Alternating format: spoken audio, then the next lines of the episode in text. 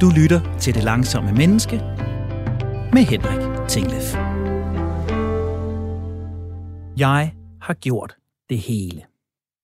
Jeg har arbejdet både 50, 60 og 70 timer om ugen. Jeg har arbejdet sent om aftenen, efter børnene sover, og så til langt ud på den anden side af midnat. Jeg har også stået op klokken 4 for at lægge nogle timer, inden resten af huset og resten af verden vågnede. Jeg har haft hemmeligt arbejde. Projekter, jeg gemte og gik og arbejdede på i smug. Og så har jeg faked arbejde. Jeg har gået og holdt øje med, om den grønne lampe i chatprogrammet var tændt om aftenen, så det for mine kolleger så ud, som om jeg arbejdede. Og så har jeg gemt e-mails og sendt dem meget, meget sent eller meget tidligt, så jeg signalerede, at jeg havde arbejdet der. Og så har jeg lavet rigtig meget tåbeligt arbejde. Fuldstændig ligegyldige projekter, der ikke tjente andet formål end at holde mig i gang og pusse mit eget ego af. Bunker af frivilligt fagligt arbejde i organisationer og foreninger, der så godt ud på CV'et, men som ved Gud aldrig har flyttet noget som helst. Uendelige timer med diskussioner af logoer, farver eller produktblade, formuleringer af 2005, 2010 og 2020 strategier, interne møder, erfaringsudvekslinger, supervisioner og sparringer i eksorbitante mængder. Fælles for det hele var bare, at jo hurtigere jeg løb, jo mere jeg arbejdede, jo mere følte jeg trang til at arbejde, og jo mere arbejde trak jeg til mig. For hver e-mail, jeg sendte afsted, fik jeg 3-4 igen, og for hvert projekt jeg, projekt, jeg engagerede mig i, der blev jeg involveret i et par stykker eller fire mere. Min dømmekraft forsvandt, formålet forsvandt, effektiviteten forsvandt. The price of winning the pie eating contest is more pie. Medaljen for højst tempo i hamsterhjulet er 20 runder mere, og mistrivsel så debatter. Og vi burde jo vide det. Studier fra University of Pennsylvania viser, at vidensarbejdere, der knokler igennem og skærer nattesøvnen til 4-6 timer per nat, bare i 14 dage, og det har jeg været, reducerer deres kognitive kapacitet med over 60 procent. American Report on Labor Statistics fastslår, at arbejde over 55 timer per uge ikke bare mindsker effektiviteten markant, der indtræder også en signifikant højere risiko for kroniske hjertesygdomme, diabetes, depression og slagtilfælde. Skal det blive ved med at være sådan? Ej vel. Det må vi kunne gøre bedre. Det må vi kunne gøre langsommere.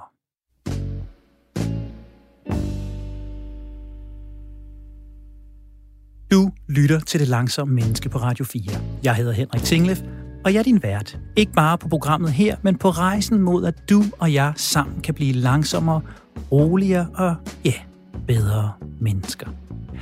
Dagens emne er langsomlighed i arbejdslivet. Dit og mit arbejdsliv. Det, der fylder størstedelen af vores vågne timer, det, der for mange af os definerer, hvem vi er som person. Det, der holder samfundet kørende. Sammen med mine gæster forsøger jeg i dag at blive klogere på, arbejder vi nødvendigvis bedre, når vi arbejder igennem? Hvad betyder hastigheden for indholdet og kvaliteten af vores arbejde? Hvad vil der ske, hvis vi arbejdede markant langsommere? Og hvad nu, hvis det langsomme menneske også begyndte at arbejde meget mindre? Dennis Nørmark, velkommen i studiet, og tusind tak, fordi du vil deltage. Jamen, velkommen. Dennis, du er udover at være vaskeægte bestsellerforfatter til pseudoarbejde og citeret af statsministeren fra landets fineste talerstol, så er du også antropolog, foredragsholder og rådgiver tilknyttet konsulenthuset Voluntas. Og med dig i studiet, Dennis, så ville det jo være mærkeligt at starte et andet sted end med pseudoarbejde. Og du hørte min intro, og jeg kunne for den sags skyld have lagt meget mere oven i den tidsregistreringssystems implementering og kontorudsmykninger i firmafarver og meget, meget andet pjat. Det er, hvad jeg ville kalde pseudoarbejde, Dennis. Og jeg kan ikke lade være med at have sådan en tanke om, at det meste pseudoarbejde, det er tåbelige strategier, dårlige vaner, udtænkt i et fortravlet hoved. Er du enig med mig i den analyse, eller hvordan ser du det? Jo, det, det, er, det er jeg faktisk. Altså, man kan sige, vi har jo fået sådan et, et travlhedsdiktat, ikke? om at vi skal gå rundt og være travle hele tiden, og vi spørger hinanden hele tiden, om, om, om, om vi har travlt, og vi skal helst uh, konfirmere, at ja, det har vi så sandelig. Ikke? Øhm, og det vil sige, der, derfor er der også et enormt pres på hele tiden at lægge nye opgaver ind. Øhm, og, og, og derfor bliver vi også, så sker der også det her kvaliteten af nogle af de opgaver, i virkeligheden mangler. Altså, at vi bliver så optaget af at bevise, at vi er travle og vigtige og betydningsfulde, at vi også i et eller andet omfang opfinder opgaver, som egentlig ikke rigtig er væsentlige. Man kan sige, vi har jo altid troet historisk set, at nu vil arbejdspladserne forsvinde.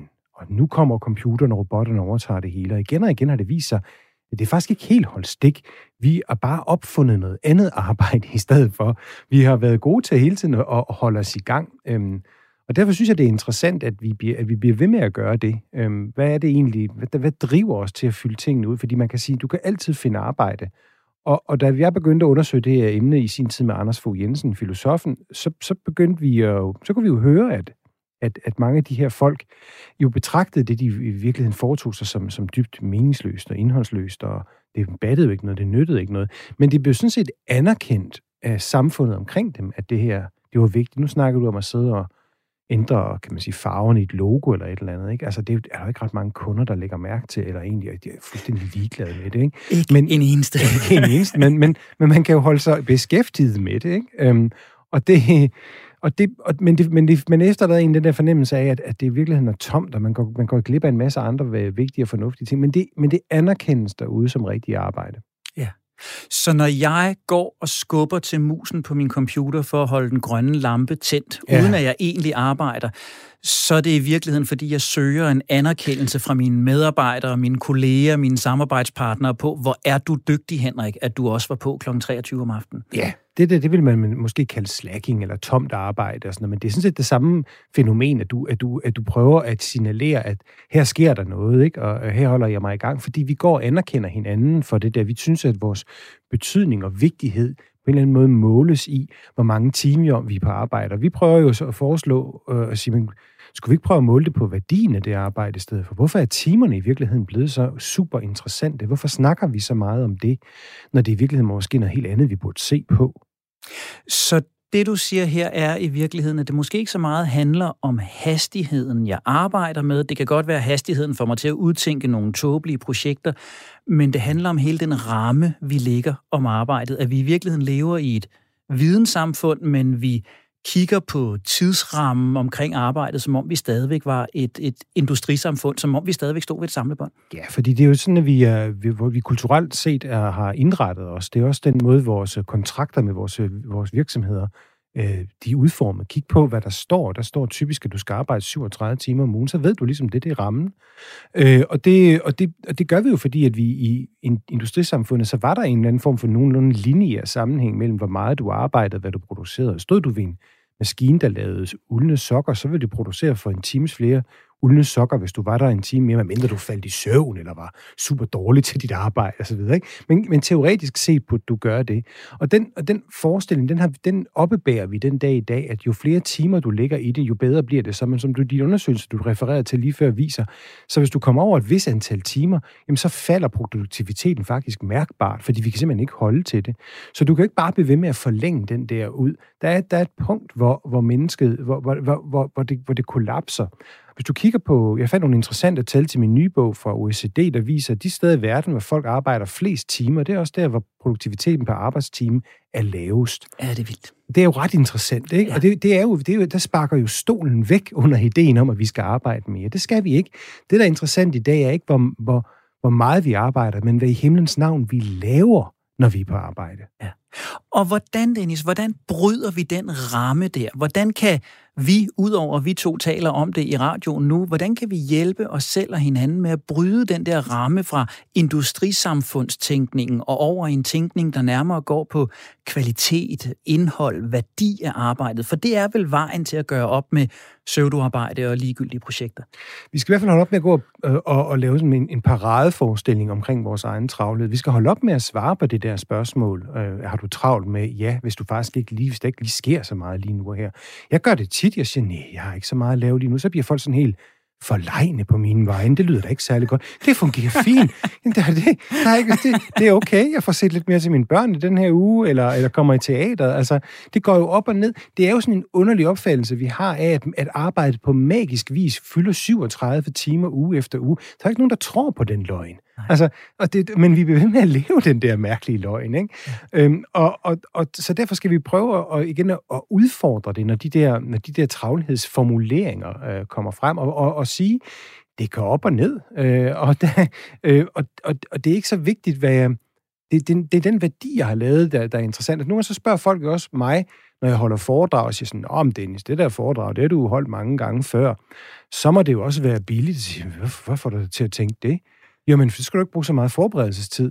Jamen, kan, det her argument hænger jo ikke sammen. Fordi jeg har lavet, kan man sige, foredraget rigtig mange gange, så er der nok en, en rimelig sandsynlighed for, at det er relativt velkonsolideret og, og virker. Ikke? Så faktisk skal du betale flere penge, jo mindre tid jeg bruger på at forberede mig. Ikke? Og så kan du se, så går der en, en, en, der springer en sikring ind i hovedet på folk, når man siger det. Ikke? Fordi de siger, jamen, det, jamen, du, jamen, du skal huske på, det er jo værdien af mit arbejde, du betaler mig for. Ikke?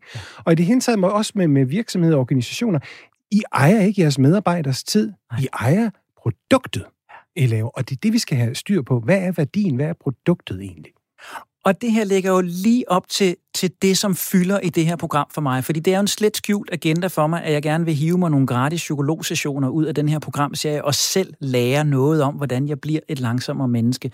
Og den ene ting, du råder mig til her, Dennis, det er i virkeligheden at begynde at sige, nej, jeg har faktisk ikke travlt. Ja. Jeg har faktisk ikke noget at, at lave nu.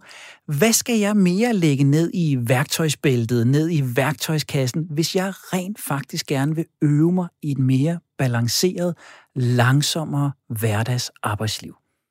Så skal du ikke skamme dig, når der ikke sker noget. Ikke? Og du skal ikke skamme dig over ikke nødvendigvis at handle hele tiden. Vi, er meget, vi lever i en, i en virkelighed, som er meget handlingsorienteret og meget det, der er gået op for mig i mit arbejde med at undersøge søvdearbejde, det er, at enormt mange ting går galt, når folk handler alt for hurtigt i virkeligheden. Før de i virkeligheden får tænkt sig om og finder, har vi brug for det her? Løser det her problem, løser det i virkeligheden ikke sig selv, inden vi opfinder endnu et system eller regelsæt eller noget andet? Er der overhovedet et problem her? Ikke? Vi mangler noget omtanke i virkeligheden, og vi skrider som mennesker meget hurtigt til handling, fordi det præmieres. Altså, gør noget, øh, bedriv noget. Hvad har du gjort i dag? Ikke? Og, og, og det med at gøre noget er, er overvurderet. Ja. der er enormt meget fornuft i, i virkeligheden en gang imellem at få øh, kontempleret og tænkt sig lidt om osv. Men vi lever ikke en tid, der belønner omtanke. Vi lever i en tid, der belønner handling. Og det vil sige, der skal du altså igen prøve at holde igen med at gøre ting, og så bruge lidt ekstra tid på at reflektere, og så finder man nogle gange ud af, at det dummeste, man kunne have gjort, var i virkeligheden at gøre noget. Ja. Og jeg kan mærke helt fysisk, når du siger det der til mig, så får jeg sådan en trykken for brystet, der, der hedder, hvad vil andre så dog tænke om mig, hvis jeg mm. begynder at sige, nej, jeg har faktisk egentlig ikke særlig travlt. Nej, jamen, jeg har egentlig ikke rigtig uh, udrettet noget i dag. Og jeg tænker, du og jeg, Dennis, vi er i en særlig situation. Ikke? Da vi to talte sammen omkring det her program for nylig, det var en mandag formiddag, klokken den var 10.30, om, om det er en god historie, eller det faktisk passede, ved jeg ikke. Men du sagde til mig, du sad i en hængekøje. Og jeg kan afsløre... Hængestol. Hængestol. Ja, ja, den er god nok. Ja, ja, det og, og den sandfærdige historie er, at jeg sad på en bænk ude foran mit fitnesscenter mandag formiddag 10.30. Men du og jeg er frie fugle, Dennis. Vi mm. er konsulenter, vi er vores egne arbejdsgiver, mm. vi kan selv styre. Vi er en privilegeret klasse. Vi er en privilegeret klasse. Ja. Hvad nu, hvis jeg sad nede i en stor organisation eller en mellemstor organisation, sad i et mellemlederjob eller som en helt almindelig ansat i en større organisation? Hvad gør jeg så for at give mig selv den her plads til, ja, yeah, jeg har ikke rigtig lavet noget, uden at frygte, at så ryger jeg ud i morgen, eller give mig selv plads til bare at skubbe stolen tilbage og dagdrømme lidt mellem 11 og 13. Hvordan gør vi det her inde i organisationen? Det handler også om, hvor grundigt vi i virkeligheden vil gerne vil gøre nogle af de opgaver, vi sidder med. Altså, hvor meget tid vil vi i virkeligheden bruge på dem? Hvor mange timer gider vi egentlig at holde møder med hinanden? Ikke? Prøve at få begrænset nogle af de her, øh, de her, de her, de her tidsrøver, og, og give sig selv nogle muligheder for nogle åndehuller. Altså, nu fik vi jo, vi kommer sikkert tilbage til at snakke coronakrisen, ikke? Ja, ja, ja. Fordi de der hjemsendte medarbejdere oplevede jo også måske pludselig, at de kunne sænke skuldrene en lille smule. Altså, søvdearbejde kræver et publikum. Hvis der ikke er nogen, der ser dig lave det, ligesom det, du sad med den grønne knap der, ikke? Hvis, du ikke, hvis der ikke er nogen, der ser det, så betyder det i virkeligheden ingenting. Og når publikummet pludselig forsvinder, så kan man koncentrere sig om det, man i virkeligheden skal. Og der kan vi jo nogle gange have brug for bare igen at kigge ud af vinduet. Ikke? Så man skal skabe sig selv de der åndehuller. Måske også en gang aftale det med sin chef og sige, ved du hvad, jeg kan... Øhm, jeg tænker i virkeligheden bedre, hvis jeg får lov til at gå en tur, eller sådan nogle ting der, ikke? Altså, du har jo, du har jo betalt mig for mit gode hoved. Det er de fleste af os er vidensarbejdere i en eller anden form, ikke? Så det, så, øh, mange af os er i hvert fald. Så det, ja, der skal jo plads til det her gode hoved, kan tænke nogle tanker og få nogle idéer. Og det gør jeg ikke, når jeg sidder til møde, eller når jeg skriver den her e-mail, eller den her 10-siders rapport, som ingen læser, fordi det dræber mig. Ikke? Altså, og vi bliver jo nødt til at have de der, kunne have de der samtaler med vores ledere, også fordi vi bruger simpelthen så meget tid på vores arbejde, at hvis vi render rundt og dybt set er utilfredse med det, så spilder vi vores liv. Så vi skal lære vores ledere, at de har betalt for vores hoved og ikke for vores tid. Lige præcis den sætning gør, at vi skal videre nu, for vi har en leder i lokalet, og ham skal I møde lige om et øjeblik. Din radio står lige nu på Radio 4. Den står på programmet Det Langsomme Menneske, og det er mig, der hedder Henrik Tinglef, som taler ind i ørerne på dig. Jeg er her sammen med forfatter, antropolog og foredragsholder Dennis Nørmark, og er lige blevet en lille smule klogere på, hvordan langsomlighed kan gavne os i det moderne arbejdsliv. Men Dennis lærte os, at det også handler om, hvad vi skal lære vores ledere, hvordan vores ledere skal forstå os. Så intet kan være bedre end at få en leder i lokalet, en ganske særlig en af slagsen, en forretningsmand, der smadrede Outlook-kalenderen for at skabe en bedre virksomhed, både menneskeligt og økonomisk. Henrik Stenmann, velkommen til. Jo tak. Henrik, du er grundlægger af IIH Nordic, og så er du vel nok Danmarks mest kendte fortaler for, og ikke mindst praktisk implementator af en fire dages arbejdsuge. Ja. Og Henrik, øhm, for et menneske som mig, der ønsker at blive bedre til at slippe speederen og arbejde mere modereret, jamen så lyder fire dages arbejdsuge jo som den skønneste drøm og samtidig også som det aller værste mareridt. På den ene side, så er fire dage alt andet lige det, der skal til, for at jeg får mere tid til noget, der er vigtigt for mig, måske endda mig selv. Men på den anden side, så kan jeg jo frygte, at der stadigvæk er et stykke arbejde, der skal gøres, som jeg nu skal gøres på kortere tid, som, som gør, at jeg bare skal arbejde meget hurtigere. Så Henrik, prøv at give mig billedet af, hvorfor denne her store forandring. Hvad var den oprindelige idé? Hvorfor fire dages arbejdsuge hos IIH Nordic? Jamen, øh, helt kort fortalt, så stod vi i med ledergruppen. Det var faktisk præcis øh, syv år siden i 2014. En af vores øh, gode kollegaer var igen blevet ringet op af en headhunter. Øh, jeg stod med en ledergruppe, med, der var i det her hamstiv, inklusiv mig selv, øh, med rødspringte øjne. Og så stod vi også faktisk med en, en bravende teknologi, der bare voksede og voksede men hvor at vi håndterer stadig menen, som man gjorde for 20-30 år siden, han har sagt 25 år siden. Vi gjorde stadig de ting, som man hele tiden gør, men vi anvendte ikke teknologi, og vi kunne godt se, at når vi anvendte teknologi, så var der nogle muligheder. Så kort fortalt, vi stod i det der øh, hamsterhjul, hvor der var masser af arbejde, men, men hvor at det gav simpelthen ikke mening at bare at køre af. Så jeg slyngede faktisk, øh, jeg vil næsten sige lidt for sjov, og sagde, hvad hvis vi kunne arbejde fire dage om ugen? Altså, så, så, kunne vi, så var vi nødt til at lave en anden type forretning. Og øh, vi ville ikke have problemer med, med headhunterne, og vi ville blive tvunget til egentlig at, at, at tage nogle af de, der, allerede den viden, der er der, altså al den viden, vi godt kunne tænke os, der, der er der, den, øh, og, og gøre brug af den, den er der allerede. Men os mennesker, vi, vi er lidt, tager lidt længere tid at lave de her forandringer. Ja.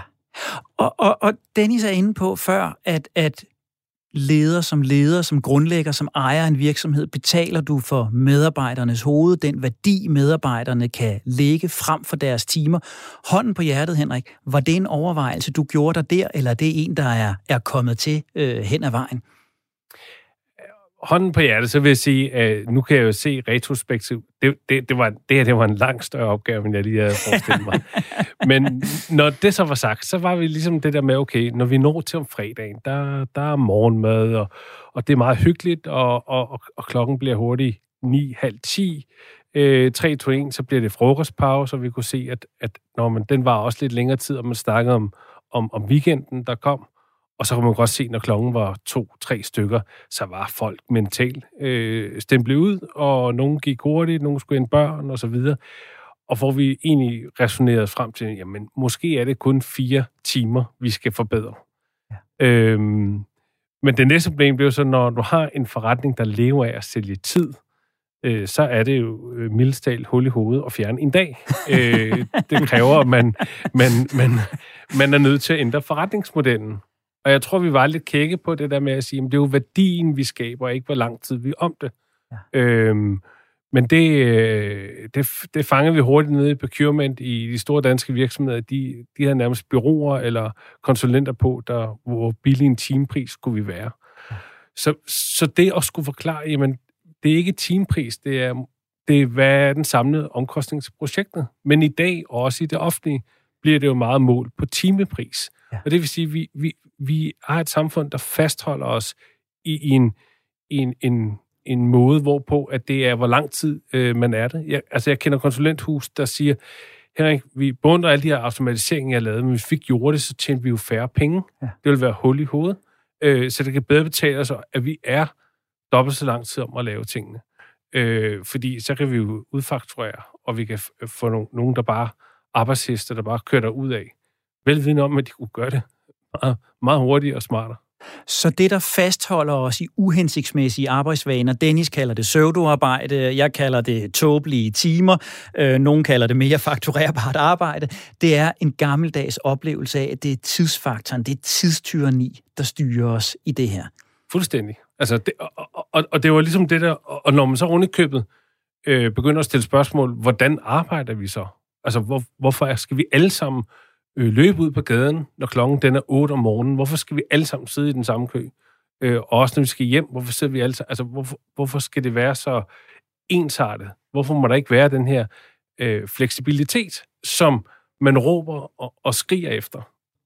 Så, så når jeg efterspørger Dennis før om det her med at sige, når jeg sidder i organisationen, hvordan får jeg så mulighed for at dybest set give min hjerne bedre mulighed for at præstere, give mig selv som medarbejder bedre muligheder for at levere værdi frem for timer. Hvad er det så? Og det er jo ikke, fordi det her skal være en reklame for IH Nordic, men, men jeg er super... Det er okay. jeg er super nysgerrig på dit projekt. Hvad er det for rammer, du helt konkret giver dine medarbejdere, så det bliver muligt, at det er værdien, der kommer i fokus? Jamen, det er jo... Øhm, man kan sige, det i, i høj grad...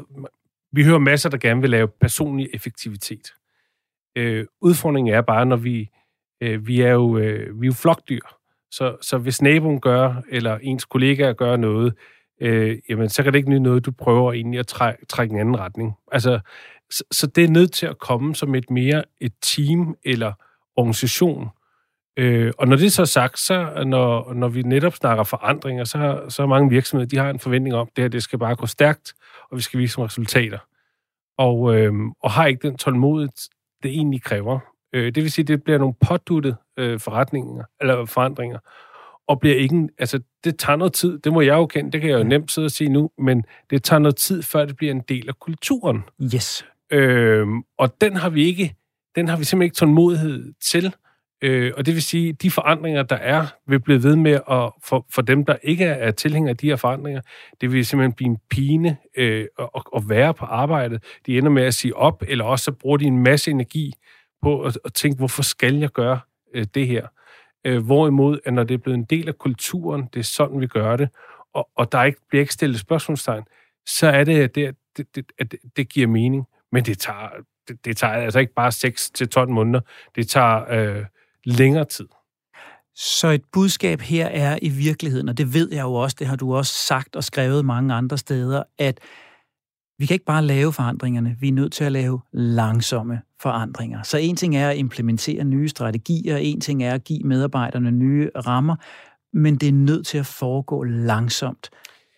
Ja, i forhold til det, man gerne vil, vil opnå, altså jeg, jeg, jeg, jeg hørte øh, en, en, en podcast, der, der, der, der egentlig beskriver det meget godt øh, og, og satte det på spidsen, men det var, øh, kan du forklare mig, hvordan man får diabetes? Øh, og, og det tager jo 10, 20, 30 år øh, egentlig at få det med dårlig livsstil. Ja.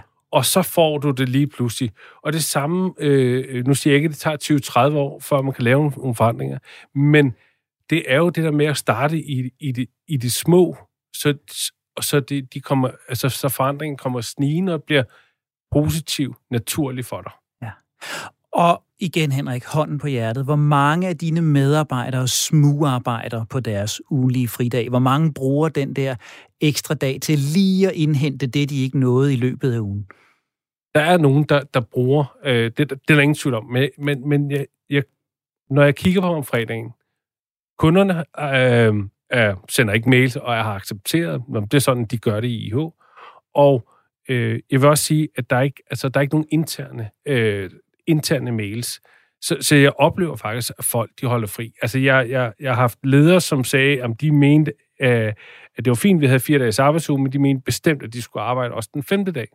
Så siger jeg, når du er leder, og du skal arbejde med den femte dag, og du gerne vil vise det, hvad tror du så, der kommer til at ske, når du gør det? Ja. Så begynder du at, at, at smadre hele det, vi er. Så det, det, det kan jeg ikke. Det kan jeg ikke.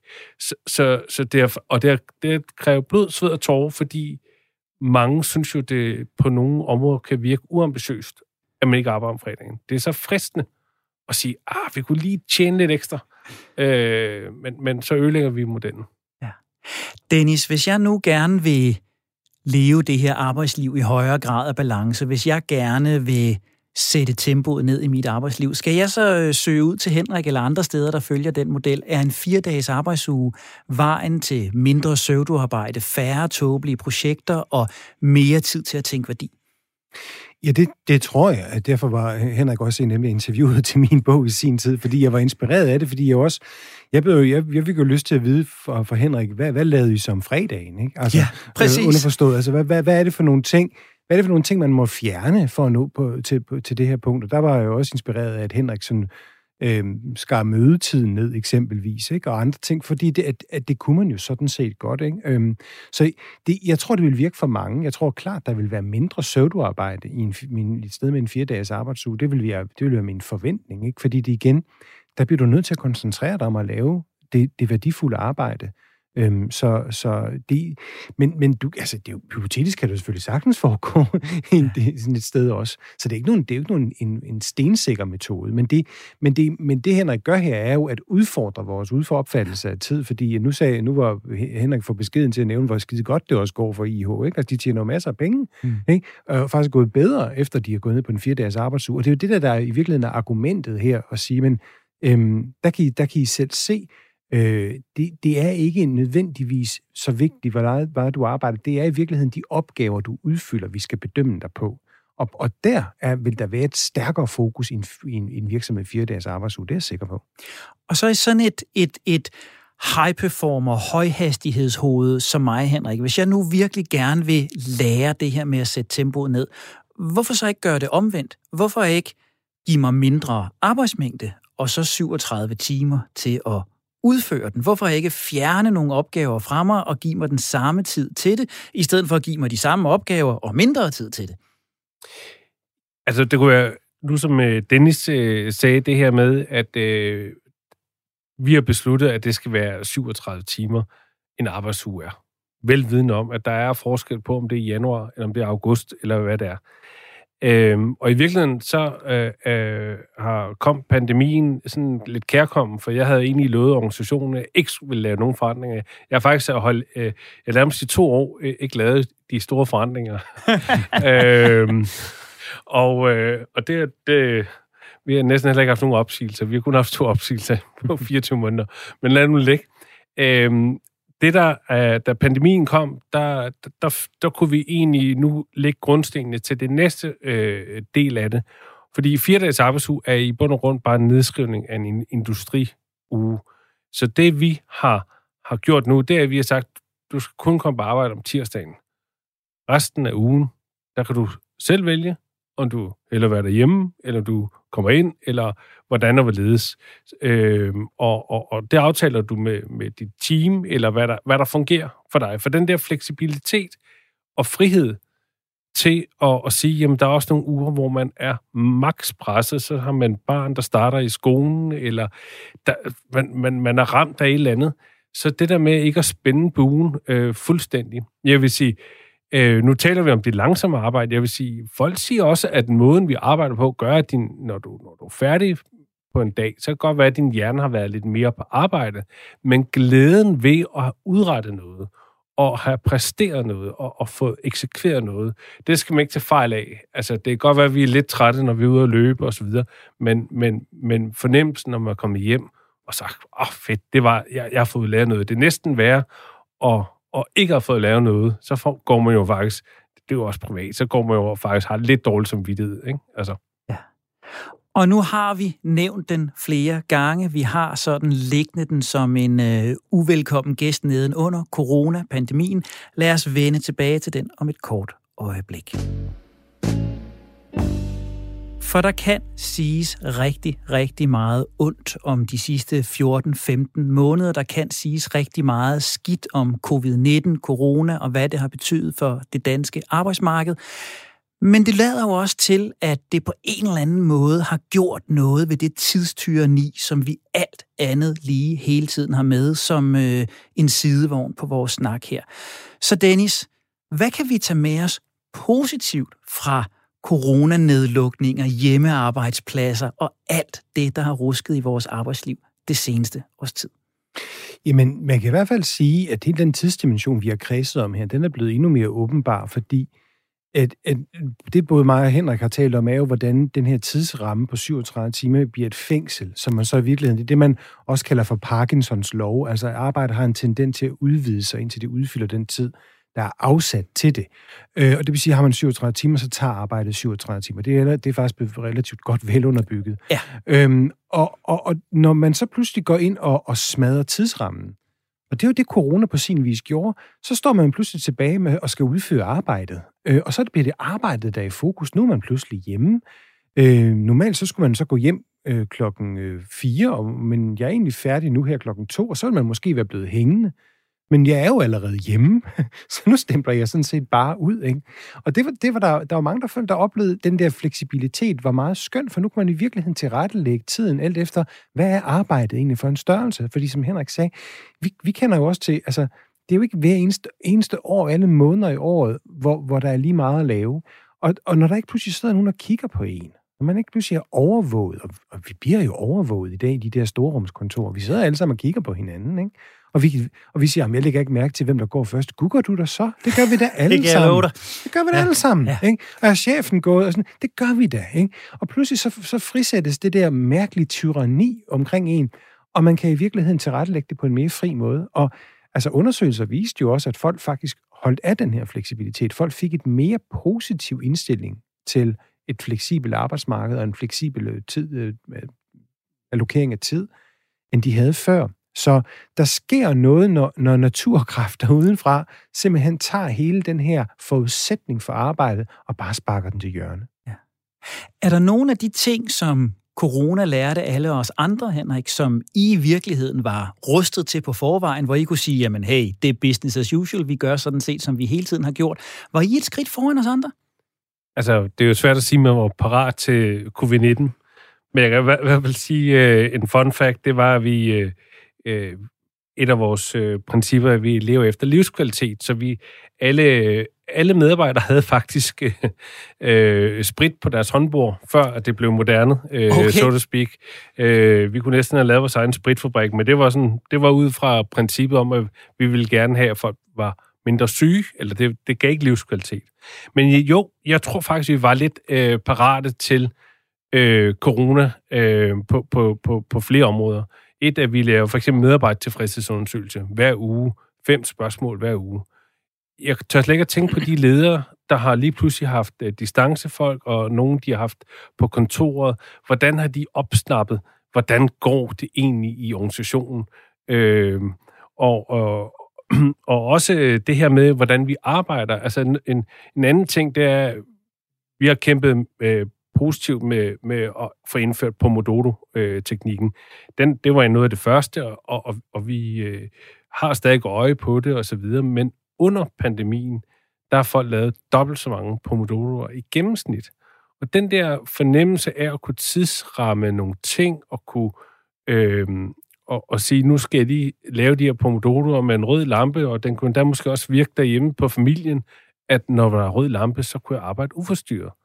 Øhm, så og vi skal selvfølgelig lige fortælle lytteren, at Pomodoro-teknikken er en, en arbejdsteknik, en koncentrationsteknik, ja. at man arbejder i Pomodoros, fastsat efter et æggeur, udformet som en tomat. Er det ja. på italiensk, at, ja. øh, at tomat hedder Pomodoro? 25 minutters arbejde, 5 minutters pause, 25 minutters arbejde, 5 minutters pause, og så fremdeles med nogle lidt længere pauser efter et vist antal pomodoros, så vi også får slappet ja. lidt af. Så det er simpelthen et fokusværktøj til, at vi arbejder mere koncentreret. Præcis. Og det er nok noget af det, mange af os har lidt med derhjemme, når vi pludselig sad der mellem øh, tørretumbleren og vasketøjet og maden på bordet. Hvordan skal jeg egentlig koncentrere mig? Der har I haft nogle medarbejdere, der har været trænet i, i fokusteknikker. Præcis. Ja. Så, så, så på den måde har vi jo været indirekte parat til, øh, at, at der skulle ske noget som, som, som det her. Det var heller ikke noget problem for os at begynde at arbejde med Teams eller øh, med distance eller noget som helst. Det, det var en naturlig del af den måde, vi allerede arbejdet. Så den der store produktivitetsgevinst, øh, tror jeg ikke, vi har fået på samme måde, som andre har fået. Fordi jeg ved godt, at Rockwell-fonden var ude lige i april efterfølgende og sige, at folk de arbejder stort set det samme. Jeg, jeg vil våge den påstand, og, og jeg kan ikke øh, yderligere dokumentere det, men folk har øh, øh, arbejdet i kortere tid, men har fået lavet det samme arbejde. Og det vil sige, at de har kunne øh, nå til at handle ind, og de kunne vaske tøj og så videre. Men det er pludselig fundet ud af, ja, jeg har faktisk fået lavet mit arbejde som planlagt. Og det er vel hele essensen. Det er det, jeg skal lære, hvis jeg gerne vil leve et mere balanceret arbejdsliv. Det er det, jeg skal lære, hvis jeg gerne vil leve et langsommere arbejdsliv. At jeg skal få mere ud af den tid, jeg rent faktisk bruger, så jeg samlet kan lægge mindre tid. Jeg skal tage fokusredskaber med mig fra coronatiden. Jeg skal tage en højere grad af Teams-møder, Zoom-møder, online-møder med, så ikke jeg behøver at ligge og bruge min tid på transport. Hvad skal jeg mere tage med, Dennis? For jeg skal huske, at jeg ikke skal lægge mærke til publikummet, men det er måske lidt svært. Hvad kan jeg mere tage med mig fra hjemmearbejdspladsen til mit langsommere arbejdsliv? Jamen, altså, jeg tror, vi, altså, jeg tror det der med altså, fokus igen, altså det, for, men, men for at putte nogle flere ord på, hvad det er. Ja. Ikke? Altså det, det er det der med, det, det, det, det er uforstyrret. Det der med, at, at, at, at det ikke har så mange ting, der foregår omkring en hele tiden. Altså, Øhm, hele storrumskontorproblematikken, altså vi, det, vi, vi har fortalt hinanden en masse løgne omkring Storumskontoret dybest set. Altså vi har fortalt hinanden, at, at det skabte synergi og samskabelse på tværs. Der er aldrig ikke nogen, der kunne dokumentere, hvordan i himlens navn det skulle foregå. Men det er bare blevet sådan en idé om, at vi sidder og sådan opsnapper spændende idéer i æderen mellem bord 7 og bord 8. Ikke? Altså, og det er sådan, du ved, det er sådan, det, det, er, det, det, det, det, vi ved noget om, det er, hvis folk kan få lov til at koncentrere sig, hvis de er uforstyrret, hvis de har tid til det, og hvis de kommer i en tilstand af flow, så kommer de til at udvikle forskellige ting. Ikke? Altså, og så det, det er det der igen med at, at sige, men nogle gange skal du også have lov til at stoppe en dag, hvis der ikke er en inspiration måske, hvis der i virkeligheden ikke er noget at komme med, ikke? eller noget at, og, og jeg sidder, når jeg skriver bøger, må jeg jo også opleve med, at der er nogle dage, hvor, det, hvor der bare ikke kommer nogen idéer. Ikke? Og så er der andre dage, hvor jeg simpelthen sidder og arbejder 20 timer og misrygtet min familie, men jeg bliver nødt til det, for nu er jeg i den her tilstand, hvor jeg faktisk får noget produceret. Ikke? Og igen, hvis vi holder fast i, at vi må ikke, vi må ikke ligge arbejdstiden efter, hvornår vi både er motiveret, hvornår vi kan, og hvornår der er arbejde, jamen så bliver vi, så, altså, så bliver vi igen slaver af den her forestilling, frem for virkelig at nyde, nyde det her med at lave et stykke fedt arbejde, hvor der er virkelig bare gang i den. Ikke? Det er jo, vi taler jo ikke for det dogne menneske her. Nej, nej. vi taler for det menneske, der får noget for hånden i nogle, i nogle, øh, nogle guddommelige øjeblikke en gang imellem, hvor det er fedt at arbejde, det er fedt at producere, men, men man skal også have mulighed for at, at lukke af de dage, hvor det overhovedet ikke er fedt at producere. Se, det var en titel, jeg godt kunne leve med. Det guddommelige menneske med Henrik Tinglef. Det kan være, at vi skal tale lidt om at, at ændre titlen. Henrik, du markerede. Jamen, det var, det var mere i forhold til, øh, at der jo, verden er belagt med gode intentioner. Ja. Og øh, og jeg kan jo sige, nu har jeg været ude og holde en del foredrag, jeg tror en 30-40 foredrag om, hvordan vi øh, automatisk gjorde møderne kortere, øh, simpelthen ved at ændre indstillingerne i Microsoft. Yes. Men det, der er interessant var, det var, at du kunne ikke du kunne faktisk ændre indstillingerne, uden at du lavede et script øh, til, til Microsoft. Man kunne simpelthen ikke ændre de her øh, standardindstillinger. Det kan man så nu, skal retfærdigvis siges. Det interessante var, at ud af de 30 virksomheder, jeg har været ude og holde foredrag, lederen har sagt, det er det, vi gør, og det er det, vi skal. Der er det, der er det faktisk kun noget nordisk, der vendte tilbage og sagde, øh, hvordan har I løst det? Øh, fordi det kan man jo ikke bare lige gøre. Men ud af 30 virksomheder, som hvor at der var, yes, det er det, vi gør, der var en, og, og, og det var så Novo, der sagde, øh, vi kan faktisk ikke løse det i at, i at præstere. Og det fortæller lidt om, at vi er super med intentioner, men hvis vi godt vil forandre os, så kræver det faktisk, at du har tid og overskud. Der er ingen slankekur, der starter i december måned. Der er ingen løbe, øh, øh, det ene eller det andet, der starter i december måned. Det gør det i en dødkødelig januar måned, hvor der ikke er andet at lave, end at gå på slankekur og gå ud og løbe, og, og, gøre alle de gode ting, du havde lovet dig selv nytårsaften. Ikke? Så, så, så det kræver bare uh, ufattelig meget, og ikke bare lige et quick fix af, nu ser vi lige et foredrag, og så kører vi. Øh, så får vi lige ryddet soda af vejen. Det, af vejen. det kræver en global pandemi. Jamen, det gør det jo ikke, og det er jo rigtigt, hvad Henrik siger. Vi er simpelthen sådan nogle vanedyr, og jeg kan også godt altså, have inspireret nogle folk med søvduarbejde, og folk siger, nu skal der fandme ske noget, og, og, og der er også nogen, der får gudskelov lavet nogle ting om, men jeg bliver også nødt til at minde dem om det og sige, men altså, har I gjort noget af de der ting, I sagde? Fordi at I kan godt, men I skal blive ved med at motivere hinanden, for ellers så sker der ingenting. Og det er jo næsten den smukkeste måde, vi kan runde sådan en blok af på med at sige, hvis vi skal have et langsommere arbejdsliv, et mere balanceret arbejdsliv nede i tempo, så skal forandringerne foregå langsomt. Henrik Stenmann, du bliver æresgæst i det her program fremadrettet af sikker Tak. Du lytter til Det Langsomme Menneske på Radio 4. Det her er programmet, hvor vi slipper speederen i forsøget på at genvinde livskvalitet, kontrol og alle de gode idéer, vi sammen skal leve af i fremtiden. Jeg hedder Henrik Tinglef, og med mig i studiet der har jeg forfatter, foredragsholder og antropolog Dennis Nørmark, samt grundlægger af IH Nordic, Henrik Stenmann, der lige er blevet udnævnt til æresgæst. Vi taler om det moderne arbejdsliv, om videnssamfundet, kortere arbejdsuge, og mest af alt om, hvordan det hænger sammen med langsomlighed. Og min herre, vi begynder at nærme os manifestet for det langsomme menneske. Det her sæt af leveregler, som vi sammen skal definere for det langsomme menneskes navigeren på arbejdsmarkedet. Og et eller andet sted, så det I begge taler ind i, det er jo et langt mere fleksibelt, et langt mere grænseløst arbejdsliv. Og mange af de steder, jeg har færdedes de, de seneste år, der er det jo faktisk noget, man har talt negativt om. Noget, man har talt om som en, en udfordring. Noget, man har skulle ændre. Men Dennis, er det fleksible arbejdsliv nødvendigvis så negativt? Er det måske i virkeligheden netop vejen til at stille det langsomme menneske bedre på arbejdsmarkedet? Det grænseløse arbejde er simpelthen kommet for at blive. Yes! Det kan vi ikke gøre noget ved. altså, det kan vi ikke. Det gør jeg jo heller ikke. Det er jo ikke sådan, at jeg stopper mig selv til at få en idé klokken 22 om aftenen, fordi nu er klokken ofte 4, så nu skal jeg holde fri. Det ville være en underlig tilværelse at have som forfatter, ikke? Altså, så det, og det, vi skal passe på med at ikke at tale mere... Altså, jeg er med på problemerne ved det grænseløse arbejde for mennesker, der er svært ved at sætte grænser. Men så skal man jo være bedre til at sætte grænser. Så er det jo det, du skal arbejde med. At have en illusion om, at vi på en eller anden måde kan komme tilbage til 9-16 arbejdet alle sammen, det holder ikke. Det kommer ikke til at ske. Vi er lige så godt begynde at indstille os på det. Og så er der nogle andre ting, man skal opøve. Altså en, en selvkontrol og selvdisciplin. Så skal, man, så skal man lukke sin telefon, eller hvad det nu måtte være, hvis man har svært ved at, at begrænse sig på den måde. Tale med sin chef om det. Altså, men, men, men vi bliver nødt til at indse, at vi kommer til at have et mere flydende øh, arbejdsliv, fordi at min pointe er jo netop, det er, når vi tænker 9-16, at det går galt. Det er, når vi tænker tidsrammen så, så, så radikalt rigidt, at det kollapser. Så øhm, vi skal prøve at finde ud af, hvorfor er det, vi så, hvis vi bliver stresset over, over, over grænseløst arbejde, hvorfor er det, vi bliver det? Er det fordi, at vi lever et sted, som er komplet underbemandet? Altså, så det, og der er for mange mennesker, er der for mange arbejdsopgaver, så er det fordi, du har du har for lidt tid, så er det fordi, du har en, en 50 timers arbejdsbeskrivelse. Så er det det, du skal arbejde med. Så, så før man kaster det ud og siger, at, at det der med, at vi kan tjekke vores telefoner og finde ud af at få en mail klokken 9 om aftenen om et eller andet, og sige, at det, det er det, der er skurken i det her, så, så er det ikke, altså det er ikke, det er ikke teknologien som sådan, der er skurken. Det er den måde, vi bruger teknologien på. Og det er det, vi skal snakke med hinanden om.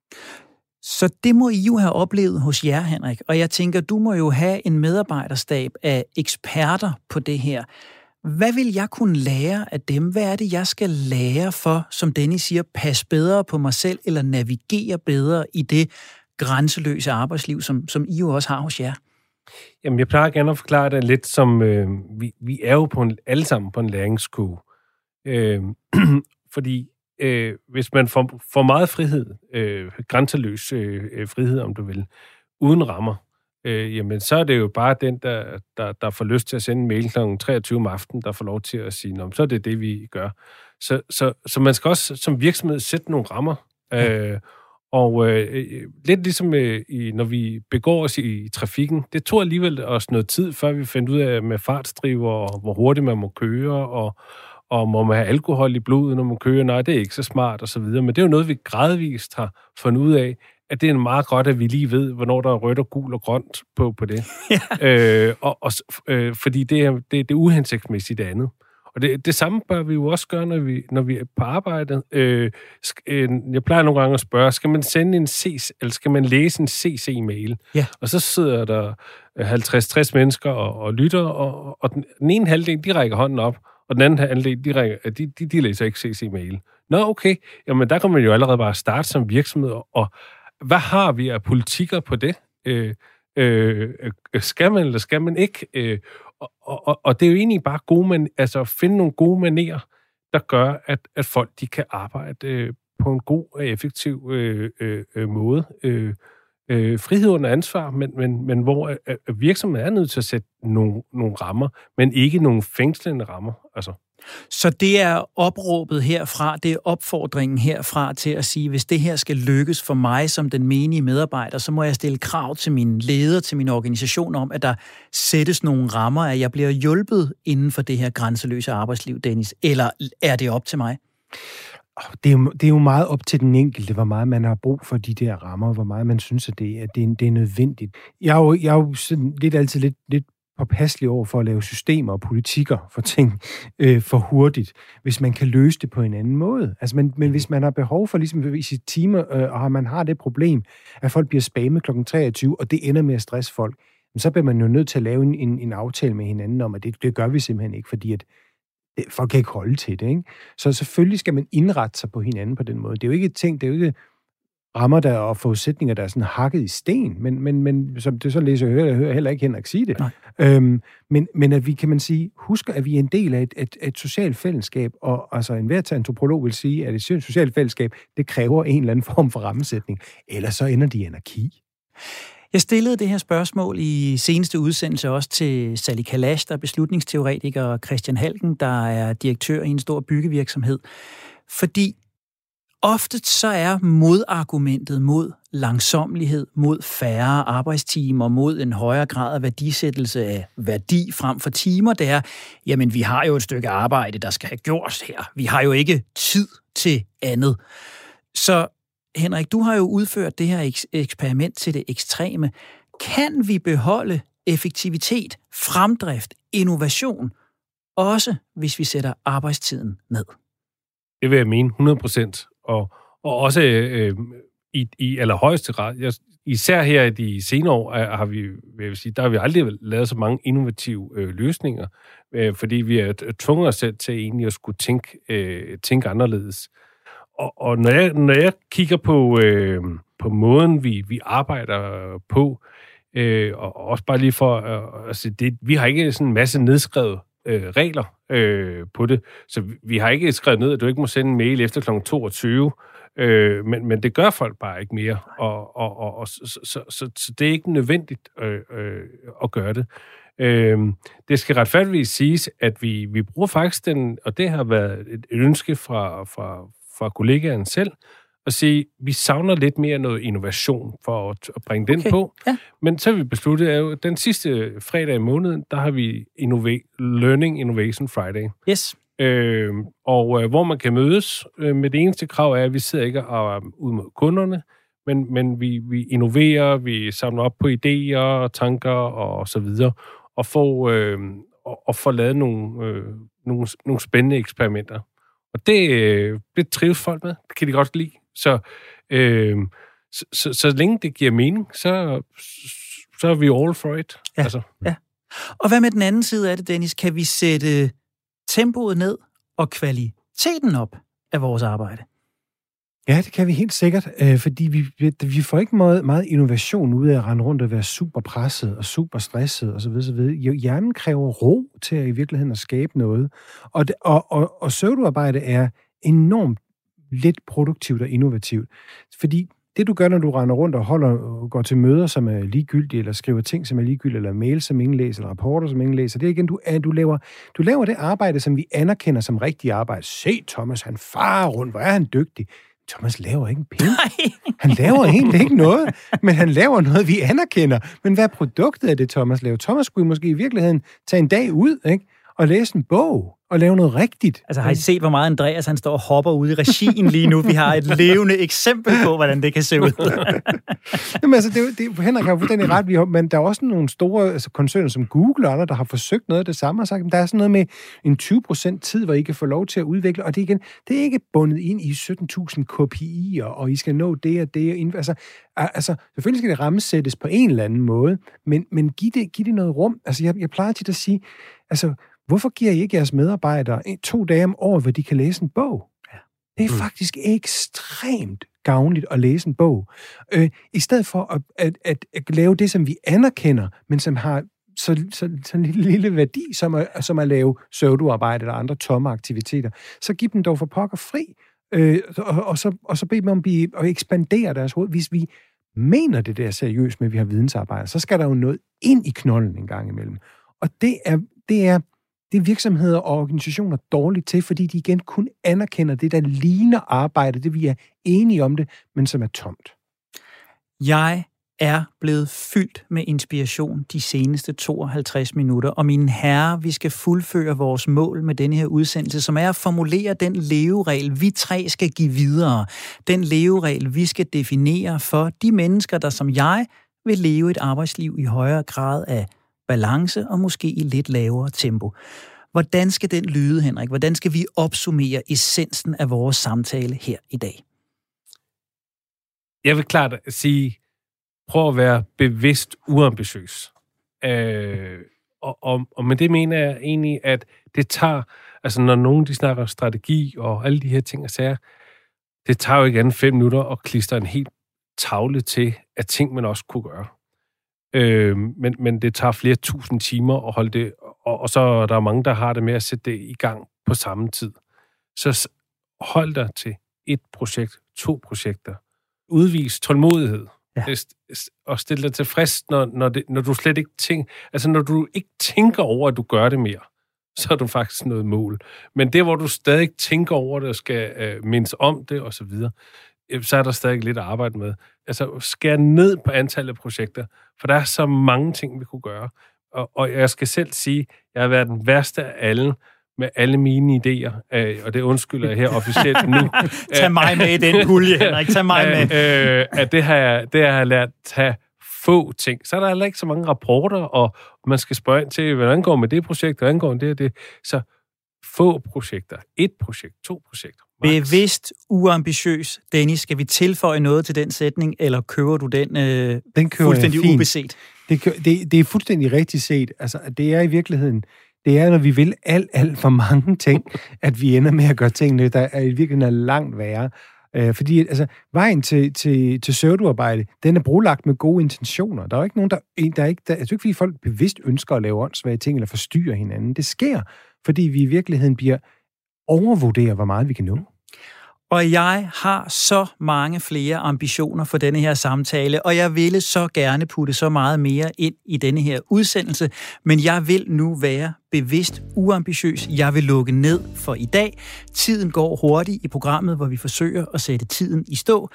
Tak til dig, Dennis Nørmark, forfatter, foredragsholder, antropolog og rådgiver tilknyttet konsulenthuset Voluntas.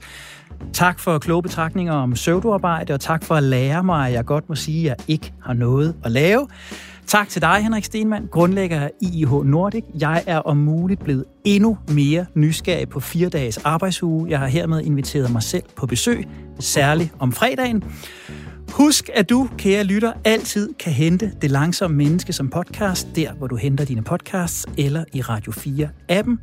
Har du input, kommentarer eller interessante vinkler på langsomlighed, vi skal kigge nærmere på, så kan du skrive direkte til redaktionen på langsom radio4.dk. Programmet her, det er produceret af Only Human Media.